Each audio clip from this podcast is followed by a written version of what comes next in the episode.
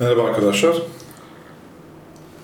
Geçtiğimiz hafta e, giriş bölümünü, Aynalı Baba ile karşılaşma bölümünü işlediğimiz, beraberce okuyup yorumlarını yaptığımız Aman Kaya kitabının bugün birinci gün bölümünü okuyacağız. Birlikte Bahattin Sağlam, araştırmacı yazar Bahattin Sağlam Beyefendi ile alarak devam edeceğiz. Hoş geldiniz hocam. Hoş bulduk.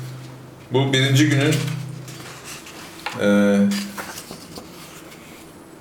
okumasını yapıyorum. Daha sonra yorumlarını beraber devam edeceğiz hocam. Olur. Amakaya kitabından. Birinci gün. Hiçlik zirvesi diye adlandırmışlar hocam. Hiçlik zirvesi. Altta da bir not var. Nirvana, Nirvana, Nirvana. Buddha Gautama. Hiçlik burada soyut değer demektir. Yani bizim bildiğimiz maddi olmayan soyut değerler demektir. Yokluk Soyut- demek değil yani. Yokluk demek değil. Biz soyuta yok, yok diyoruz yanlışlıkla. Göz görmeyince, maddi gözler görmeyince Madde olmayınca biz onu yok sayıyoruz. Halbuki soyut alem o da bir alitedir, o da bir varlıktır. burada onu vurguluyorum hocam. İşte nirvana odur yani erillik alemi, aktiflik alemi. Evet hocam. O zaman başlıyorum okumaya. Buyur. Kahveleri içtikten sonra Aynalı Baba kulübeden ney çıkarttı. Hafif ve hoş bir şekilde ahenge başladı. Mezarlığın sessizliği, neyin hüzünlü sesi bana garip bir zevk veriyordu. Şüphesiz gittikçe sinemden bazen üzüntü verici, bazen sevinç verici ahlar çıkaracak kadar şiddetlenen bu garip zevkte kahvenin de katkısı vardı. Kendimde acayip değişimler hissediyordum. Sanki Kahve de bilinci açıyor. Aynalı baba da bilinci açıyor. o zaman kahveyle bol bol devam edelim. Bir de ney sesi de bilinci açıyor. Bu üçünü bir araya Bu toplamış. üçü bir araya toplanınca bilinci tam açılıyor. Güzel. Bilinç dışısı tam açılıyor. Kendimde acayip değişimler hissediyordum. Sanki taşımaya mahkum olduğum ağır bir yük üzerimden alınmıştı. Kendimde büyük bir hafiflik duyuyordum. Aynalı Baba ne ile taksimini bitirdikten sonra hafif ve davudi bir sesle okumaya ve sonradan ne ile ahenge başladı. Okuyordu. Bu fani varlığa ibretle bak ey can. Gafleti dağıt, boş değildir meydan. Hani Sultan Süleyman, hani İskender Han? Yüz bin ömrü sevinçle geçirsen bir an. Dünya bostanı ne güle ne de bülbüle kalır. Muradınca kime yar oldu zamanın çarkı? diye okuyordu. Bu gazelde ne mühim bir tesir vardı. Aynalı Baba bu parçayı bitirip de ne yüklemeye başladığı zaman gözlerinden yaş akıyordu. Bunlar hüzün ve hasret gözyaşları mıydı? Zevk ve aşkın ağlaması mıydı? Bilemem fakat pek etkilenmiştim. O andaki ruhi ve vicdani durumumu tarif etmek mümkün değil. Baba okuyordu. Açgözlülüğe ve hırsa uyup nefsine esir olma. Rahatın gider, sakın şöhret tutkunu olma. Allah'ı bilenlerle arkadaş ol. Sakın uzak durma. Dünyaya dayanan bu güce hiç aldanma. Baygınlık derecesine gelmiştim. Babanın sesini pek yavaş ve adeta uzaktan geliyormuş gibi duymaktaydım. Neyin sesi hayret edilecek bir güzellik kazanmıştı. Baba okuyordu. Dünya zevkine esir olmadılar kamil insanlar. Hepsi de bildiler. Bu hayat gölge ve oyundur. Dünya zevkinin bir rüya olduğunu gördüler. Hep aşkın eteğine sarılıp vuslata kavuştular. Kulağım pek zayıflamıştı. Dış duyular kapanınca bilinçaltı, bilinç dışı açılıyor. O yüzden mi kulağım zayıflamıştı? Kulak, gö- göz kapanıyor, kulak kapanıyor, bilinç dışı açılıyor. Maddi duyular kapanıyor. yani. Uyku hali başlıyor. Hmm. İşte peygamberlik de, ilham da, vahiy de odur. Bilinç dışının açılmasıdır. Allah o bilinç dışına üflüyor adeta. Hmm. O yüzden buradaki yer kapanıyormuş gibi oldu. Kapanıyor. Ha. Neyin sesi hatta pek uzaktaymış gibi geliyordu. Yavaş yavaş duygularımdan, daha doğrusu dış duyularımdan sıyrı- sıyrıldım. Bir şey görmüyor, işitmiyordum. Bir müddet uykuya yakın bir halde kaldı- kaldım. Bu hal çok sürmedi. İç bilincim açılmaya başladı. Zahiren görünüşte bir şey hissetmezken kendimi garip bir alemde görmeye başladım. Hayalin derinliklerine dalmıştım. Gözlerim kapalı olduğu halde görüyordum. Görüyordum ki iklimimize benzemeyen bir sahrada bulunuyordum. Sahra görmediğim bir takım bitkilerle kaplıydı. Sazlıklarımızı andıran uzun otlar arasında türlü türlü hayvanlar geziniyor. Bunların bazısı yırtıcı canavarlardı fakat ben onlardan korkmuyordum.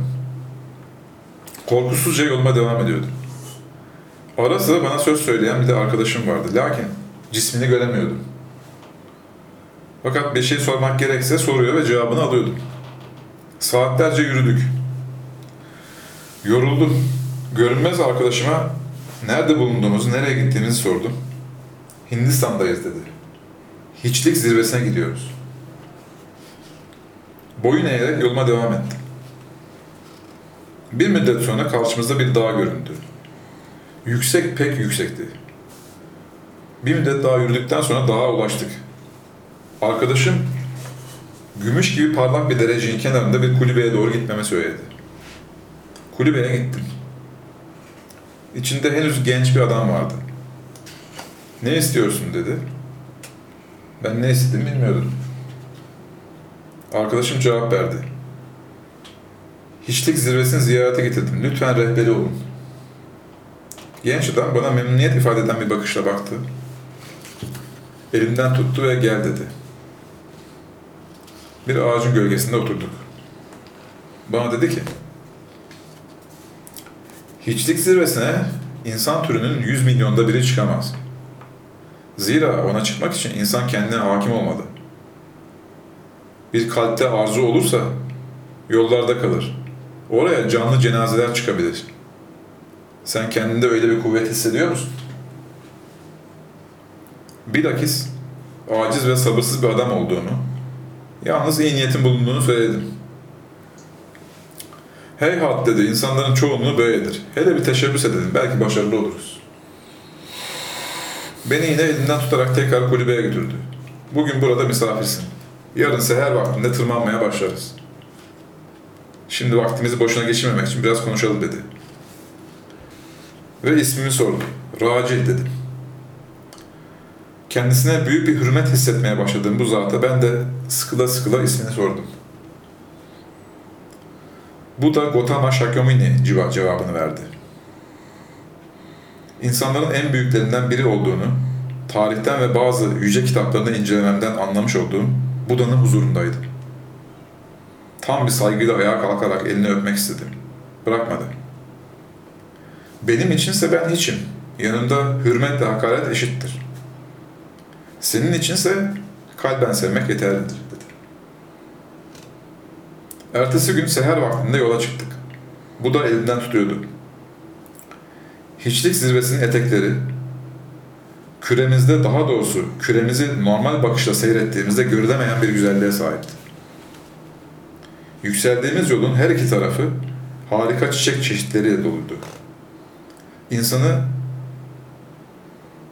kendinden geçirici hoş kokular etrafa yayılmakta, gül fidanlarını sevgi yuvaları edilmiş bülbüllerin name ve terennümleri insanın kalbini titretmekteydi. Ne güzel tasvir etmiştim hocam burada. Hayat böyledir zaten. Üzerinde yürüdüğümüz yol pek ince ve altın gibi parlak, pamuk gibi yumuşak bir kumla örtülüydü. Güzel tasvirler. Bunun her iki tarafından akan güzel ve mini mini ırmakların şırıltısı Bir gönül sevgilisinin aşığına kavuşup kucaklaştığı anda söylediği kesik heyecan verici, titrek ve şevk veren sözler gibi kulağı ve kalbi okşuyordu. Yükseldikçe güzellik artmaktaydı. Nihayet bir köşke, daha doğrusu bir mini mini saraya ulaştık. Bir taraftan dağa tırmanış, diğer taraftan hava beni fevkalade acıktırmıştı. Köşkün kapısından içeri girer girmez en nefis yemeklerden yayılan kokular burnuma letafet verdi. Bir büyük odaya dahil olduk. Ortasında bir sofra kurulmuş ve içerisinde altın tabaklarla insan ustalığını icat ettiği ne kadar çeşitli yemek varsa hepsi konulmuştu. Bana kalsa fikrim hemen sofraya yanaşıp açlığımı gidermekti.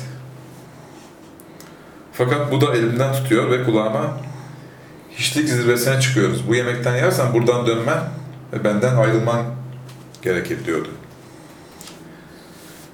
Şiddetli açlığa rağmen emre itaat ettim. O enfes yemeklerin karşısında bir saat oturduk. Bu da sessizce duruyordu. Ben ise bir takım garip etkilenmelerin esiri olmuştum. Bu zatın canlı, yeme ve içmeye muhtaç bir adamı melekler gibi aç tutmak fikrinde bulmuşuna kalben itiraz ediyordum. Nihayet birdenbire hadi gidelim yeteri kadar istirahat ettik dedi. Saraydan çıkacağımız sırada cennet hizmetçilerini andıran bir genç huzuruma geldi. Elinde altın tepsi içinde üç tane bildur kase ve bunların birinde su, diğerinde şerbet, üçüncüsünde de şarap vardı. Genç, efendim çıkılacak yer pek daha pek uzaktır. Yemek yemediniz, bari bir şey içiniz dedi. Çok nazikçe ve adeta yalvararak ortaya sunulan bu teklifi hemen kabul ederek şarap kasesini elime aldım.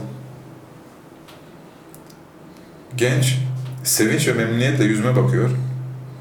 Seher doğuşunun harikalığını andıran latif bir tebessüm, yanaklarının aydınlığına göz kamaştırıcı bir dalgalanma veriyordu. Kaseyi dudaklarıma temas ettireceğim bir sırada bu da elime vurdu. Kase yere düştü. Bir şey söylemeyerek elimden tuttu. Çıktık. Yolumuza devam etmeye başladık. Hoş bir ses geliyordu. Bu ses o kadar güzeldi ki Davud'un sesi yanında adeta iğrenç bir ses gibi kalıyordu. Okuyordu. Yürü, ey güçsüz seyyah, yürü, durma, yürü. Seni vuslattan alıkoymasın bu sahte zevkler. Bu harikalıklar, bu sanatlar hepsi rüya ve hayal. Yürü ey biçare ziyaretçi. Yürü, durma yürü. Yürü ki vuslatın nezih ortamında yükselesin. Yürü, nefsini yok et. Budur olgunluk tavrı. Yürü, gösterişi terk et. içesin kavuşma kadehini. Yürü ki saf soyut alemde var olmayı göresin. Bu sesin tatlılığından zevk ve hassasiyetin akıttığı gözyaşları gözlerinde görünür halde yolumuza devam ettik. Gecemizi çimenler üstünde geçirdik. Rüyasız, hayalsiz, derin bir uykuya dalmıştık. Ertesi gün seher vaktinde yolumuza devam ettik. Öğlen vakti karşımızda bir saray göründü. Bu saray ancak hayal seviyesinde görülebilen binalardan biri. Yani hayalin icadının zirvesiydi. Her ne yapılsa bundan daha güzel, daha mükemmel ve süslü bina düşünülmesi ve hayal edilmesi mümkün değildi. Saraya doğru yöneldik. Aramızda 5-10 adım kaldığı vakit kapısı kendiliğinden açıldı. Bu da dedi. Bu saray erlerin ayağının kaydığı yerdir. Bu saray imtihan yoludur. Sebat ve insaniyet ipine yapışanlar bu sırada geçerler. İlerisi hiçlik zirvesidir. Fakat buradaki can alıcı gösterişe kapılanlar üzüntü ve hasret çukuruna düşerler. Burası arzu ve istek cenneti, ilerisi zamansızlığın soyut alanı. Burası boş gösterişlerle dolu bir şato. Burası her ziyaretçisini işkencelerle mahveden bir misafirhane. İlerisi zevk ve hürriyet fezası. İlerisi sonsuzluk ve birlik alemi. Burada kalanın sığınağı inleme köşesidir. Öteye giden dert ve acıdan kurtulur. Mekana ihtiyacı olmaz. Burada kalan arzu ve tamah, hırs ve emele esirdir. İleri gidenin alanı sonsuz feza, ışık sahasıdır. İnsanoğlu aldanma, sebat et. Ben burada seni bekliyorum. Saray bahçesinin kapısına işaret ederek hadi gir dedi.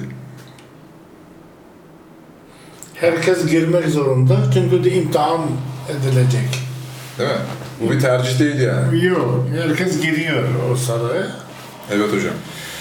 İmtihan ediliyor işte ya sonsuzluk, soyut değerler, nirvana veya çile, ızdırap, mahvolmak.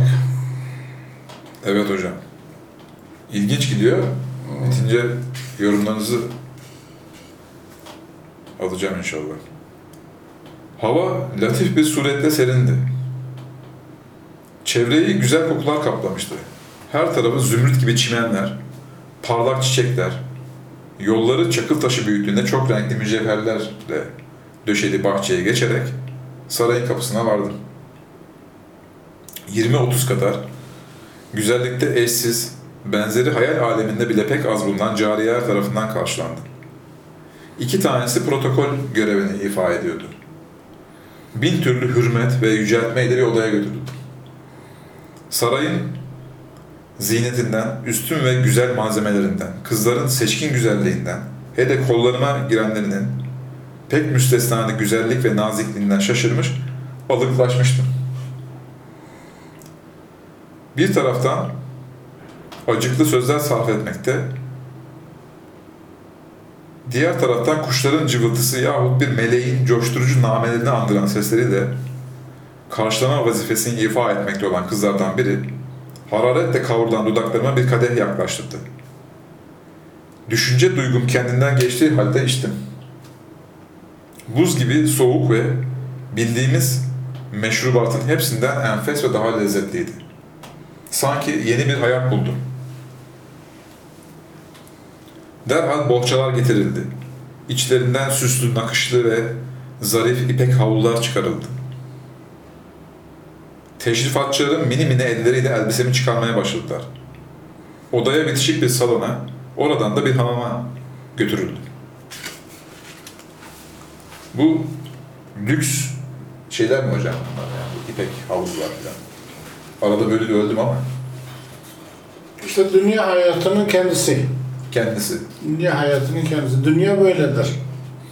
Fakat bu burada Vitrin yani bu bir vitrin bu vitrindir. Burada kalanlar nirvana'ya ulaşamazlar. Vitrine aldamamak lazım. Evet, başına sonra yıkılıyor, değişik durumlar geliyor. Evet.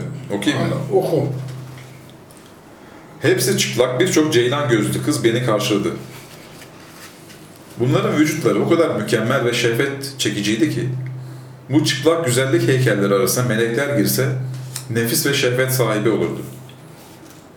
Baştan başa rengarenk enfes taşlardan yapılmış olan hamamın göbek taşına serilmiş bir yatağa yatırıldı.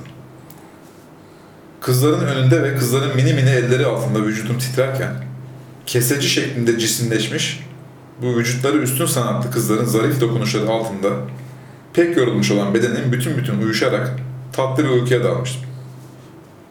Uyandığım vakit boş bir odaya alınarak mükemmel yıkandım. Ardından soğuk suyla da yıkanarak yorgunluğum geçmiş ve vücudum dirilmiş, öz hayat ve güce dönüşmüş bir halde hamamdan çıkarıldım. Bir mükellef odaya götürüldüm. Abanoz ağacından yapılmış bir masaya gümüş bir tepsi konuldu. Sofra kuruldu. Dünya yemeklerinin hiçbiriyle kıyas kabul etmeyecek kadar leziz yemekler getirildi. Güzel yüzlü kızlardan biri billur bir sürahi getirdi. Bir kadeh şarap sundu. Bir takım kızlar ellerinde musiki aletleri şarkılar söylüyorlardı. Bu yaşam ve sarhoşluk ortamı bir saat kadar devam etti. Neşem zirveyi bulmuş, nefsim kud- kudurmuş ve aşırı şehvetle adeta bir canavar olmuştu. O aralık içeri bir kız girdi. Ellerini göğsünde kavuşturarak huzurunda durdu. Efendim, Melek misal sevgiliniz sevgiye ve kavuşmaya isteklidir. Nice günlerden beri gelişinizi gözyaşlarıyla beklemekteydi. Buyurunuz dedi. Ve koluma girdi. Sarayın ikinci katına çıkarttı. Beni bir odaya alarak kapısını kapadı. Arzularıma güzelliğini gösteren güzellik perisini görür görmez bir hayret çığlığı koparmaktan kendimi alamadım. Dünyada gördüğüm en güzel bir kadının güzellik perisine nispeti 10 paralık sönük bir mumun ışık saçan güneşe nispeti gibiydi. O derece güzelmiş yani değil mi hocam? Gözlerim kamaştı. Karardı, dizlerimin bağı çözüldü. Gözlerinden çıkan şehvet ateşi o kadar çekici, dudaklarındaki tebessüm o derece şehvet vericiydi ki heyecanımın şiddetinden ayağa kalkmaya muktedir olamayarak sürüne sürüne yatağının yanına kadar gittim. Merhamet dileyerek zelil bir halde dilenerek nemli gözlerimi o benzersiz güzele yönlendirdim. Kavuşmayı bekleyen Huri erguvani tüllerle süslü bir yatakta yatıyordu. Gümüş teni yalnız bir ince ipek gömlekle bakışlardan korunmuştu. Daha doğrusu haliyle örtülü bir ışıklar kütlesiydi. Bu hafif örtü, bu ince perde, o harika vücudu örtmüyor, o melek yüzlüğü istekli bakışlardan gizlemiyordu. Gözlerindeki şehvet ateşi arttı. Dudakları arzu ve edilgenliği ima eden bir can alıcı hareketle titremeye başladı. Al yanağı şehvet ve hırs ateşi de bir kat daha kızardı. Kollarını açtı. Siyah saçları sevgi aşkıyla titreyen gümüş gerdanını sardı. Ancak bütün simetrik zıtların birleşip oluşturabileceği bir güzellik tablosu meydana geldi. Kollarını açtı, gel gel dedi. Ben bir minnet sedası çıkararak göğsüne atıldım. O nurani vücudu kollarımla sardım. Güneş misal yanağını, o titreyen dudakları öptüm. Vuslat ne kadar sürdü? Bir an. Bir an. Gök gürültüsü gibi bir ses gök ve yeri inletti. Bir gürültü depremi sanki dünyayı alt üst etti. Düşen bir yıldırım sarayı titretti. O büyük bina bir avuç toprak yığını gibi eridi, yıkıldı. Dehşetimden gözlerimi kapattım. Sevgilime sarıldım. Gözlerimi açtığım vakit kendimi kötü görünüşlü bir koca karının göğsünde buldum. O kadar iğrenç, o kadar pisti ki bir hayret ve nefret, nefret çığlığıyla beraber boynuma sardığı kollarını açarak kendimi kurtarmaya çalıştım. Baykuş sesini andıran kahkahaları salıverdikçe hilal şeklinde almış olan çenesi kartal gagasına benzeyen burnuna bitişiyor. Bu iki çengel birbirinden ayrıldıkça lağım çukuruna benzeyen ağzı açılıyor, sararmış uzun dişleri görülüyordu. Ben kendimi kurtarmaya çalıştıkça koca karı var kuvvetini pazularına verip bırakmamaya çalışıyor. Ve nankör bir an önce, bir an evvel ayaklarıma kapandığını ve tattığım emsalsiz kavuşma arzusunu unuttum. Bir an sonra ben yine o şekilde alacağım diyordu. Nihayet bir zorlukla koca karının elinden yakamı kurtardım. Sarayın yerine bir çöplük almıştı. Evvelce her biri birer huriye benzeyen ceylan gözlü kızların her biri birer koca karı şeklinde almışlardı. Beni kovalamaya başladılar. Ellerine düşmek korkusuyla koşuyor, adeta uçuyordum. Nihayet yorgunluktan güçsüz düştüm. Koca karılar takipten vazgeçmişlerdi. Düşünmeye başladım.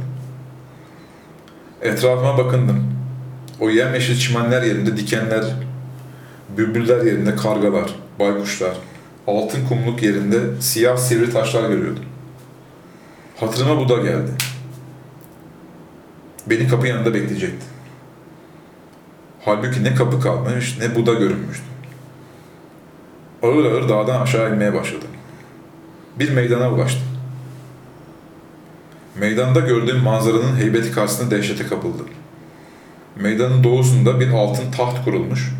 Başında altın taç, elinde cevherlerle süslenmiş bir asa, üzerinde rütbesini bildiren bir giysi bulunan Buda, tahtın üstünde oturmuştu. Etrafı pahalı ve altın kaplı elbiseler giyinmiş, başları izzet tacıyla süslü insanlarla kuşatılmıştı. İki kişi kollarından tutup huzuruna götürdüler. Bu da İzzet ve ağır başlılıkla ayağa kalktı. Kolunu bana uzattı. Şehadet parmağıyla işaret ederek Ey sözünde durmayan insan! Ey insan! Ey zampara adam! Yazık sana! Sözünde durmadın. İstenilen noktaya varmadın. Soyut birlik sarayına girmedin. Sonsuzluğa kavuşamadın. Zira ki hiçlik zirvesine çıkmadın. Ey gafil adam! İn bu yerlerden, git. İn. Huzurunda diz çöktüğün, iç ve dış varlığını eline teslim ettiğin o çirkin, çirkin koca karıya, dünyaya git. Sen insanların efendisi değilsin.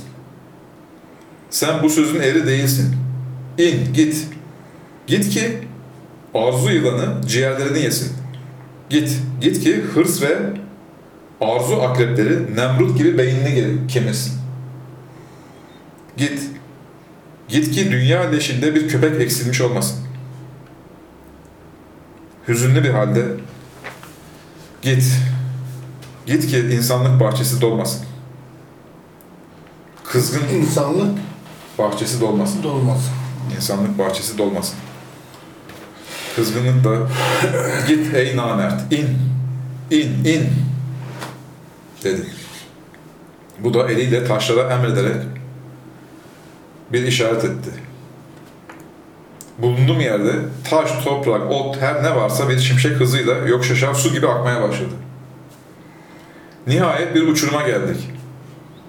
Karanlık bir uçuruma doğru düştüm. Bir ıstırap ve ümitsizlik inlemesiyle umutsuz bir feryat, ciğerlerimi parçalayarak, boğazımı yırtarak, titreyen dudaklarımı hırpalayarak çıktı gözlerimi açtım. Aynalı babanın gülümseyen ve halim çehresi, mahzun gözleri gözlerime ilişti. Elindeki maşrapayı verdi, içtim. Henüz pişirdiği sade kahveyi de sundu. Evladım, hiçlik zirvesine varmak kolay değil.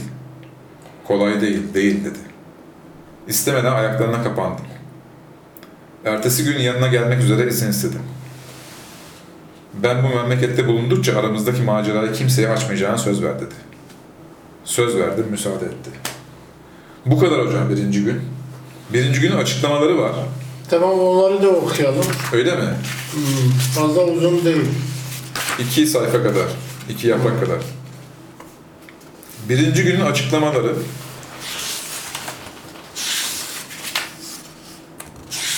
bu kısmı mazmun ve kavram diyebileceğiniz bütün önemli kelimeleri maneviyata, soyut ve mutlak aleme geçişin anahtarlarıdır.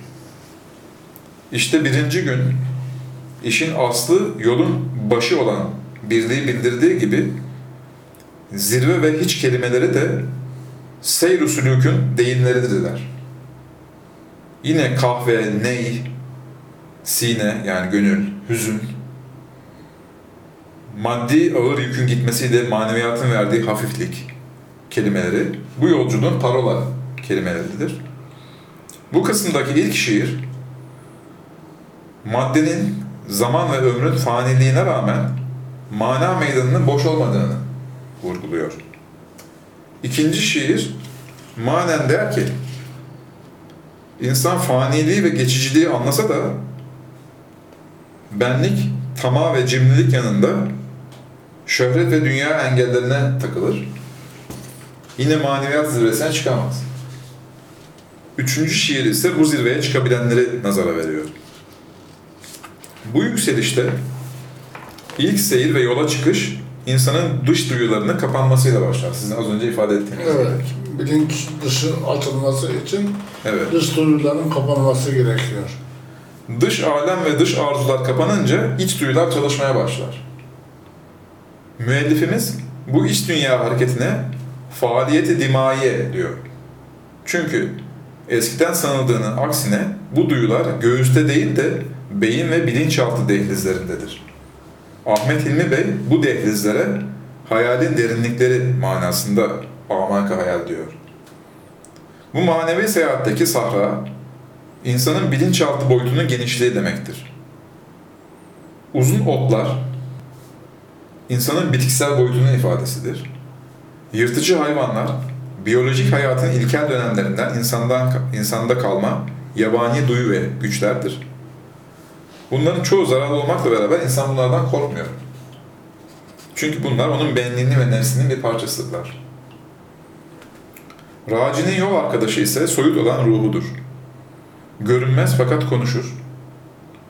Bazıları gibi Ahmet Hilmi Bey de bunu esir maddesinden yapılmış somut bir şey olarak tahmin ediyor. Fakat ruh saf bilgidir yani soyuttur.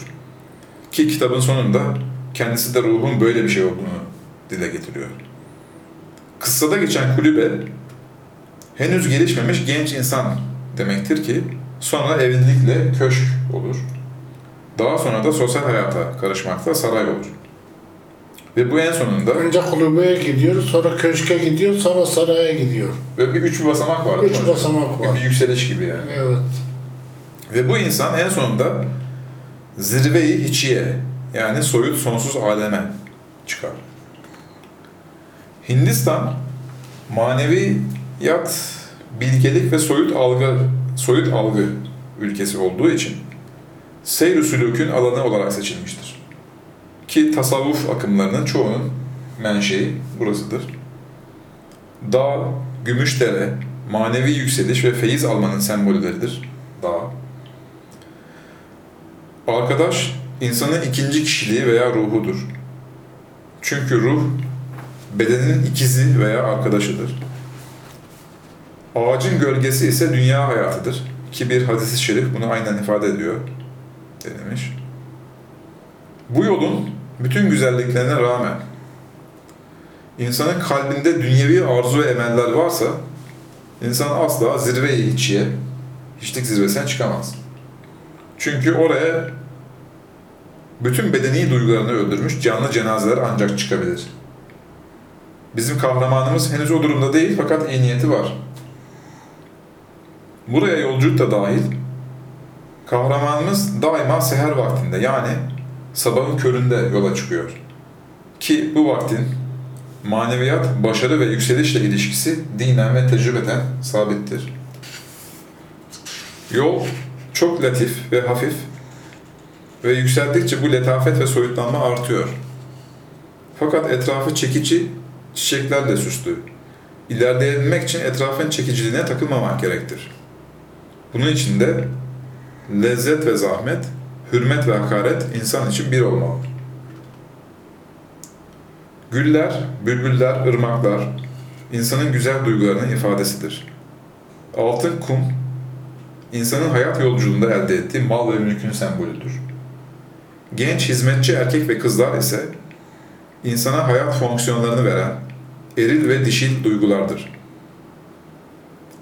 Sarayda geçici olarak durmak, burada önce yemek, sonra şehvet ve başka güzelliklere takılmak, dünya medeniyeti ve şehir ortamıdır.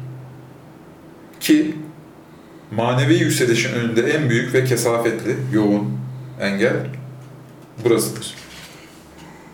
Metinde geçen çok güzel mücevherlerle süslü bahçede sosyal hayat ve içindeki değerli olaylardır.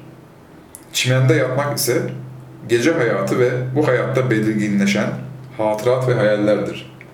23. sözün ikinci mehpasına bakabilirsiniz diye bir not var hocam. Sarayda karşılaştığı altın tepsideki su, ilim, şerbet, din, şarap da aşk demektir. Hani bir söz var. Ekmek aslanın ağzındadır. Demek burada anlatılan ve onlarca çeşidi olan bu dünyevi duyguların çekiciliğinden insan kendini kurtarabilirse ancak mane, manaya, ebediyete, olgunluğa ve gerçek varlığa yetişebilir. Bakın bu aslanların yedisi çok önemlidir ve tehlikelidirler. Ki metinde öncelikli olarak bunlara işaret edilmiştir. 1. Köşk ve saray 2. Lüks yemek ve içmek 3. Maddi ilim, şekli dindarlık ve aşk-ı dünyevi 4. Evlenmek ve şehvet 5. Tembellik ve temperverlik 6. Çok kadınlı ve saltanatlı yaşam. 7. Zevk-ü sefa. Bu yolculukta görüldüğü gibi eğer insan manaya ve soyuta yükselmemişse bütün bu varlık ve saray başına yıkılır, dibe çöker. Arkadaşları ona düşman olur. Sevgilileri çirkin birer canavar olur. Evet, Hz. Muhammed şöyle buyurmuştur. Dünya çirkin bir koca karıdır. Dünya bir leştir, onun aşıkları köpektir. Bu hadis-i şeriflerdeki hikmet nedir hocam? Bu kadar açıklamalar. Yani burada aşırı bir kötülenme varmış gibi gözüküyor dünya hayatına yönelik ama burada hassas bir çizgi var anladığım kadarıyla. Aracı amaç yapmamak. Değil mi? Dünya araçtır. Aracı amaç yaptığın zaman yerinde kalırsın, başına bela olur. O zaman leşe mi dönüşüyor? Leşe dönüşüyor. Yemeği yemek için yemek güzeldir. Yemeği bekletmek Hmm. Veya fazla yemek yemek, Dengeyi bozmak, dengeyi bozmak, aşırı gitmek. aşırı gitmektir. İnsan dünya hayatının tadabilir sadece. Doymak yok. Doymaya kalktığında buna mı dönüşüyor hocam? Ona dönüşür. Hani o gagası açılıyordu çenesi falan. Evet. Evet, doymak yeri değil, tadıma yeridir. Tatma yeridir. Bravo. Tadıma bravo. yeridir. Demek ki o zaman zevk sefa gibi, bu yedi aslan gibi değil mi? Onlardan uzak durmamız gerekiyor. İşte arzuları aşmak lazım. Nirvana'ya ulaşmak için, maneviyata ulaşmak için arzuları aşmak lazım. Peki beklentiler sıfırlandığı zaman, yani bu beklentiden kastım, aşırı arzular diyelim bunlara. Bunlar sıfırlandığı zaman insan o yüzden de hafiflik hissediyor. Yani burada racil üzerinde bir hafiflik hissediyorum diyordu ya. O bir yük mü sanki? Onlar yük, beklentiler bir yük oluşturuyor insanda? Dünyevi beklentiler, işte makam hırsı, işte şehvet, aşırı tüketim, işte sırada bir yıl sebep sıralayabiliriz arzu. Evet, beklentiler ve arzular insan için tehlikedir. O zaman mutluluğa bir kapı mı açılmış oluyor? Daha böyle rahat üstünden bir yük kalkmış gibi hisseder insan. Aynali Baba onu moda soktu Evet.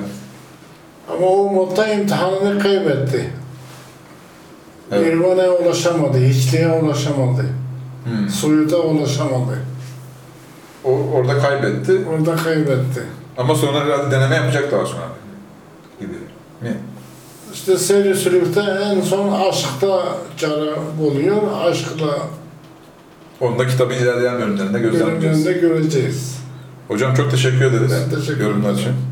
Arkadaşlar, Aman Kayal'in birinci gününü bugün okuduk ve Bahattin Sağlam Hocam'la yorumladık. İkinci günün videosunda görüşmek üzere. İzlediğiniz için teşekkür ederiz. Hoşçakalın.